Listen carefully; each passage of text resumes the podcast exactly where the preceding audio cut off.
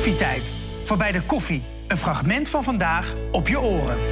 Ja, gisteravond laat verscheen de inmiddels al veel besproken autobiografie van uh, prins Harry, Spare, of in het Nederlands vertaald Reserve.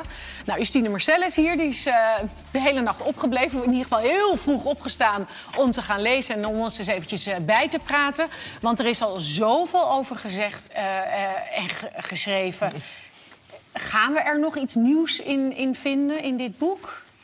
Uh, ja, dat denk ik toch wel weer wel. Uh, eigenlijk op iedere bladzijde wel iets. Het zijn wel details. Het is een beetje alsof je in een, mijn lieve dagboek... Weet je, een lief dagboek, vandaag maakte ik zo... is het een beetje geschreven. En je ziet een hele boze, getraumatiseerde, aanvallende prins. En dat vind, dat, daar ben ik nog steeds een beetje van in shock eigenlijk. Ja? ja. En, en waarom ben je daarvan in shock? Nou, er zitten heel veel details in waarvan ik denk... ja, ik, ik snap best dat je, uh, dat je je verhaal kwijt wil. Uh, maar er zitten ook heel veel details in dat ik denk... hoef ik niet per se te weten. Hoe en waar die ontmaagd is, hoef ik niet Ah, per se oh, te weten. echt? Ja. Oh, die jongen is toch helemaal... eh, Die moet toch tegen zichzelf ook in bescherming... Ja, nu heeft het geen zin meer, maar ik denk... die moet toch tegen zichzelf in bescherming genomen Nou, hij worden? was e- ooit een van de populairste royals van Groot-Brittannië. Ja. Nou, misschien wel wereldwijd. Ik bedoel, ik vond hem ook al helemaal te gek. Ik heb zelfs ooit een keer een hele special over hem gemaakt. Eh, hij is echt, alles wat je leest, hij is zo nog met... en dat is logisch, met zijn moeder bezig. Maar ik vind hem ook soms zo naïef. Eh, hij denkt, ik ga het eh, Engelse medialandschap reorganiseren.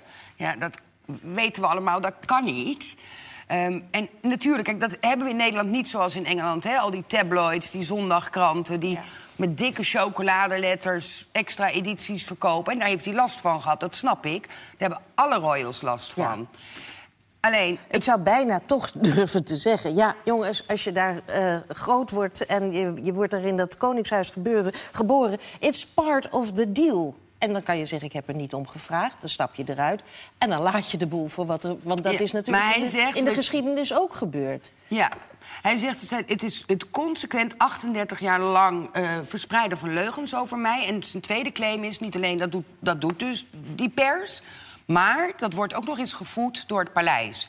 Die droppen expres informatie, laten informatie lekken eh, naar die tabloids. Ehm, en da- daarmee komen zij in een beter eh, daglicht.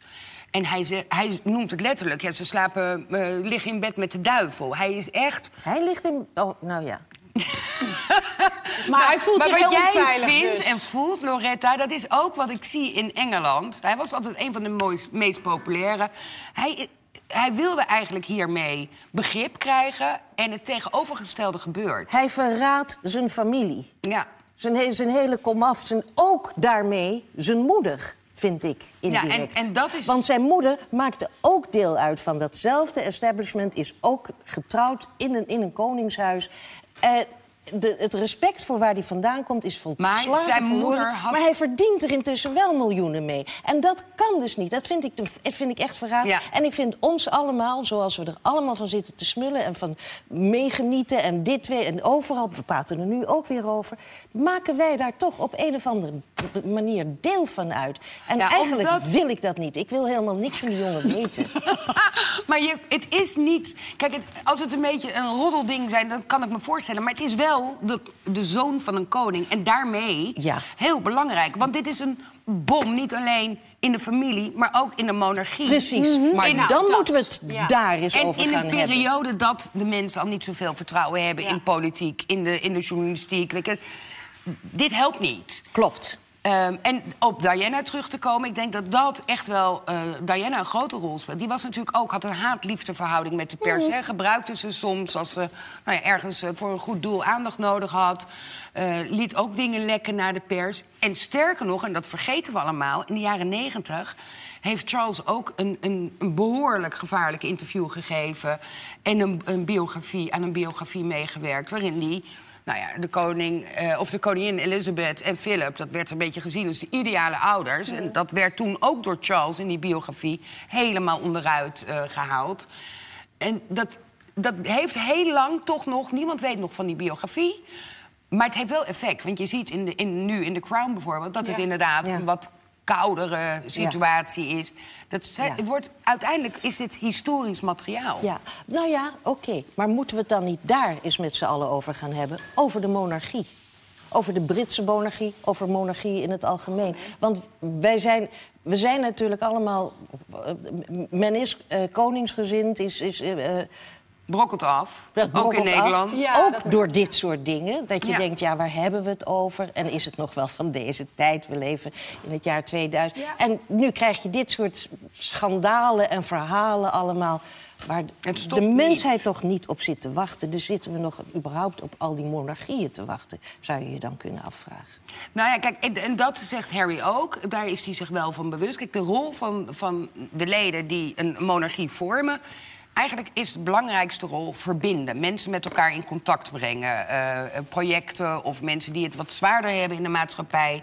toch voor het voetlicht brengen. Mhm. Eh, Dat is, vind ik ook echt, de meerwaarde van de monarchie. Ja, ja. Verbinden. Nou, Nou, ja, denk- dat doen ze goed daar in Engeland. nou, dat gaat nu niet zo lekker, nee. En, en zeker, kijk, Kate en William die zijn keihard aan het werk. Doen het hartstikke goed. Hebben schattige kinderen. Charles, een nieuwe koning. Dit is niet heel erg eh, goed voor de monarchie. Maar ik denk dat het verder gaat dan alleen te denken... is het goed voor de monarchie? Eh, voor, in die familie is dit uitzonderlijk pijnlijk natuurlijk. Hè? Ja. Alles ligt op straat. Want het is niet alleen zijn verhaal... maar zijn verhaal, daar speelt natuurlijk ook zijn familieleden... eh, Natuurlijk, tuurlijk. een grote rol in. En tot en met, ja, je zit op het laatst aan het, aan het sterfbed. Nou, niet sterven, want ze is al overleden. Je, je bent er echt bij. Hij beschrijft ook alles wat je ziet. Eh, de geur, eh, de kilt waar die onder ligt. Je bent er heel erg dichtbij. En eigenlijk, de monarchie heeft een beetje afstand nodig. En toch een beetje... We moeten het niet helemaal snappen. Ja. Niet helemaal voor mensen. Maar Nee. als er één land is eh, dat normaal gesproken heel koningsgezind is, zijn dat de Engelsen. Oh, dat is natuurlijk, hè, ik bedoel, die, Ja. die- ach, hoe, nou, die kranten. Hoe gaat het op dit moment? Ik bedoel, het boek is nu officieel uit. Hè. Tuurlijk, er was al wat gelekt en zo, maar het ligt er nu officieel. Hoe zijn de reacties in Engeland? Hoe re- reageren de kranten, de tabloids? Nou, desastreus. Ik vind Oh, wel, ja. eh, ik vind. Eh, eh, als, als journalist kijk ik wel altijd met enige, met, met veel respect naar de koppen. Eh, in het Engels heet het boek eh, Spare, hè, Ja. de tweede, de, De reserve. reserve. En een van de eerste koppen was, oh, s- eh, Ah, ja. dus Ja, ja. Dat kunnen ze heel erg goed. Ja. Ja. je ziet het hier, eh there's no way back. Het is, Ja. Laten we ze even, even, even doornemen. Als we wat nieuws ertussen zien tussen die koppen. Ja, Nou, dit valt mij, wel, valt me wel op, hè, Lorette? Want dat hadden wij net al even. Now Harry admits there's no way back. Prince declares he and Meghan cannot ever move back to the UK to rejoin the royals. Geeft hij in het boek ook aan dat hij nooit, nooit, nooit meer in Engeland kan wonen? Nee, sterker nog, hij vindt dat hij echt zich wel kan inzetten nog steeds voor de monarchie. En wat hij zegt voor de, voor, voor de opperbevelhebber, namelijk koningin Elizabeth. Eh, hij wil zich nog steeds inzetten voor het land. Eh, hij gaat zelfs nog eventjes in op de kosten van de monarchie. Het kost één pintje, eh, een biertje per persoon, zegt hij. Maar het levert heel veel op, namelijk die verbinding. Dus hij, hij doet wel echt een, eh, maakt een pleidooi voor, voor de monarchie. Ehm, maar goed, hij heeft ter promotie van dit boek eh, interviews gegeven. En daarin stelt hij van nou, eh, de familie moet eerst met mij om tafel en excuses aanbieden. Precies. Want in dat interview waar jij nu aan refereert... dat is dat interview met die, wat hij heeft gehad met Tom Bradby Ja. eh, voor ITV. Ja. Ehm, daaraan, als, je, als je daarnaar kijkt en naar, naar luistert... zegt hij gewoon in, binnen een minuut... We hebben het, nu, het staat nu even achter elkaar... maar hij zegt wat dat betreft totaal verschillende dingen. Kijk eventjes. I draw the line. Forgiveness is 100% a possibility because I would like to get my father back. I would like to have my brother back. They've shown absolutely no willingness to reconcile up until this point. Eh, Dus dan legt hij het uiteindelijk weer bij de familie neer. Ja, hij eh, ik sta ervoor open, maar zij doen niks. En hij wil dus echt dat zij moeten nu de eerste stap zetten. Ja, maar dat gaat Dus na, we moeten in na dit boek natuurlijk gaan. nooit meer. Nou ja, weet je, het is wel, het is wel een zoon van eh, Charles. Ik bedoel, als we even Ja, vergeten van de hele monarchie.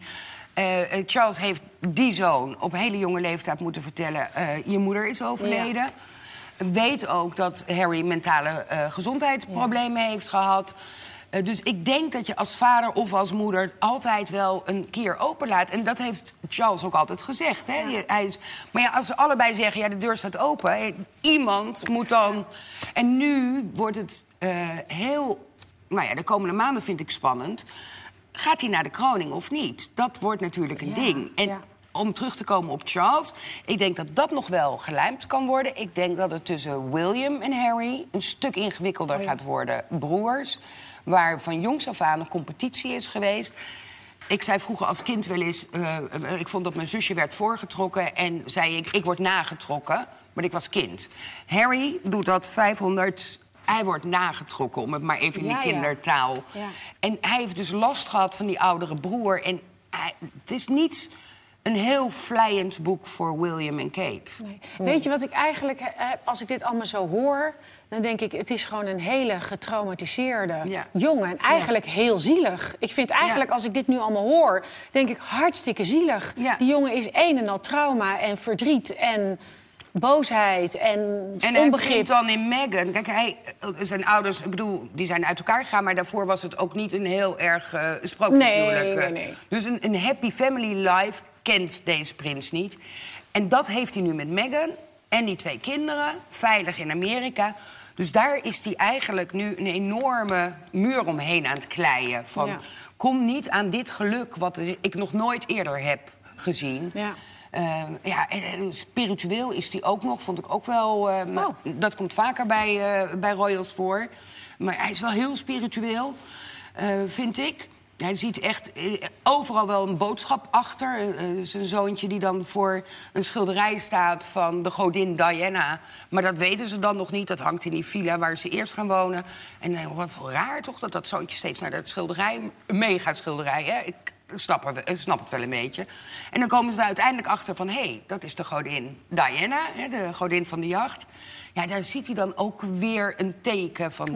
eh, En hij, hij gelooft nog steeds... alles wat ik doe, is zoals mijn moeder het gewild zou Hij zoekt hebben. houvast. Ja. Ja. nou ja, er is niet voor niets een, eh, wel een hele mooie serie, The Crown, eh, Ja, over, het, nou. eh, over het hele Koningshuis eh, gemaakt.